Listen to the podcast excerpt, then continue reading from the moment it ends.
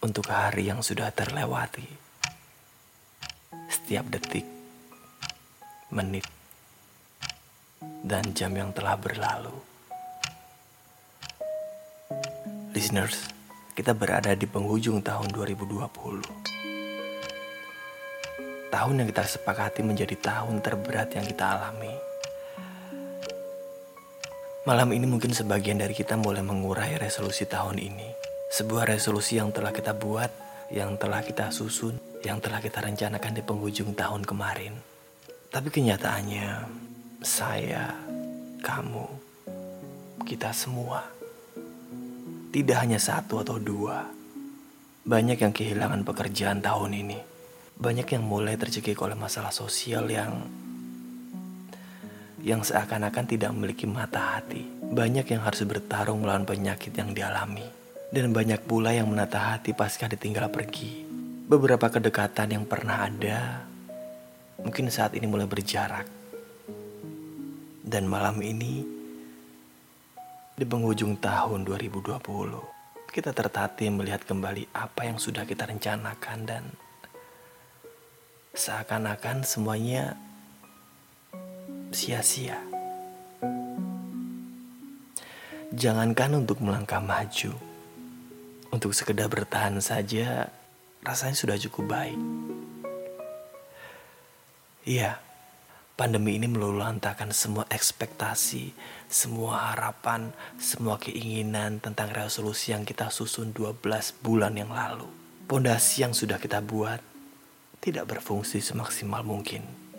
Ibaratkan sebuah gedung, kita ini sebuah gedung yang gagal bangun karena terhambat izin proyek pembangunan. Sahabatku, di mana pun kalian berada, untuk kalian yang masih bertahan sampai dengan hari ini, untuk kalian yang masih terus berusaha sampai dengan hari ini, terima kasih karena sudah berjuang. Meski terkadang hasil tidak sesuai dengan apa yang kita inginkan, tetaplah berjuang. Karena aku pun demikian. Ada sebuah kalimat yang cukup familiar di sekitar kita. Usaha tidak pernah mengkhianati hasil. Mungkin kalimat itu sedang diuji kali ini. Berapa banyak usaha yang kita lakukan dan berapa hasil yang kita dapatkan. Mungkin benar adanya. Usaha tidak pernah mengkhianati hasil kalau kita melihatnya dari kacamata yang sangat bijak. Hasil tidak melulu mengenai sebuah profit. Bukan hanya tentang pundi-pundi emas yang terisi di sudut rumah kita. Bukan hanya sekedar deretan angka pada buku tabungan kita. Bukan hanya berhektar-hektar tanah yang kita miliki. Hasil bukan itu saja. Pandemi ini membuka sebuah pelajaran hidup yang sangat berarti. Memang benar, banyak yang terkena dari efek pandemi ini. Finansial, sosial, psikologi, akademik, dan sebagainya. Akan tetapi, dari semua itu terselip sebuah hal yang tanpa kita sadari telah kita lakukan bersama-sama selama satu tahun terakhir ini. Pada awal pandemi di Indonesia, bulan Februari 2020, kita semua dilanda kecemasan. Kita dilanda paranoia yang luar biasa saat itu banyak sekali oknum-oknum yang mencuri kesempatan dari hal ini. Mafia masker hingga penjual herbal-herbal dadakan yang mulai tidak manusiawi. Untung saja hal ini segera berakhir. Saya tidak bisa bayangkan kalau pemerintah tidak campur tangan. Bisa saja hanya orang-orang berduit yang menggunakan masker.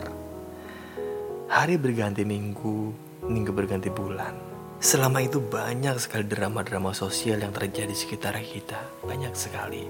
Mulai dari konten sosial media, hingga permainan di kancah politik, agama, budaya menjadi sebuah objek yang hangat sekali dijadikan alat oleh sebagian orang. Dan sebagian lagi yang tidak tahu menau, sekedar ikut-ikutan. Bukan sesuatu yang benar, tapi saya juga tidak bisa menyalahkan. Karena sebagai manusia kita membutuhkan sesuatu yang untuk disalahkan. Ibaratkan di saat kita membenci seseorang, pohon jambu depan rumahnya yang tidak tahu apa-apa, ikut kita benci. Tapi pada akhirnya kita tahu, tidak ada gunanya. Kita bertanggung jawab atas hidup kita masing-masing, bukan orang lain. Bahkan bukan pandemi yang luar biasa ini sekalipun. Menyalahkan ini, menyalahkan itu. Tidak menyelesaikan masalah apa pun dalam hidup kita. Melegakan iya, tapi hanya sesaat. Pandemi ini memaksa kita untuk belajar dua komponen dan satu ilmu terberat dalam hidup, tenang dan ikhlas. Meski tahun ini kamu kehilangan pekerjaan, tetaplah tenang. Terima dahulu kenyataan ini. Sebuah kenyataan bahwa kamu telah kehilangan pekerjaan. Kemudian ikhlas untuk berjuang kembali. Kamu tidak akan bisa berjuang maksimal kalau kamu tidak bisa menerima sebuah kenyataan. Kamu yang kehilangan saudara, keluarga, pasangan karena virus ini. Ikhlas. Ikhlaslah sahabatku. Ikhlaslah. Semua akan berpulang dengan caranya masing-masing. Dan itu manusiawi. Ya, tahun ini semua resolusi kita mungkin boleh saja berantakan, tapi tidak dengan pelajaran hidup kalian. Tahun ini memang berat, tapi itulah yang membuat kita semakin kuat. Kita dipaksa untuk terlatih, kita dipaksa untuk kreatif, kita dipaksa untuk berjuang. Tidak apa-apa, tidak masalah. Bukankah belati tajam memerlukan semua proses yang berat dan menyakitkan? Dan kita adalah belati itu. Di kehidupan yang baru ini, kita akan gunakan untuk melangkah lebih baik dari tahun-tahun sebelumnya. Semoga kita menjadi bijak dan peka terhadap sesama. Semoga kita menjadi kuat dan semakin hebat dalam perjalanan kita masing-masing. Dan di penghujung tahun ini, dengan suasana yang tentunya agak berbeda dari biasanya, kita harus tetap berterima kasih kita harus tetap berterima kasih atas semua hal yang telah kita alami. Terima kasih Tuhan atas pelajaran yang berharga di tahun ini. Beri kami kekuatan yang lebih besar untuk menyelesaikan pelajaran-pelajaran hidup selanjutnya. Selamat tinggal tahun 2020. Selamat datang 2021. Thanks for listening Bing Family for the Trusty Podcast. Selamat tahun baru.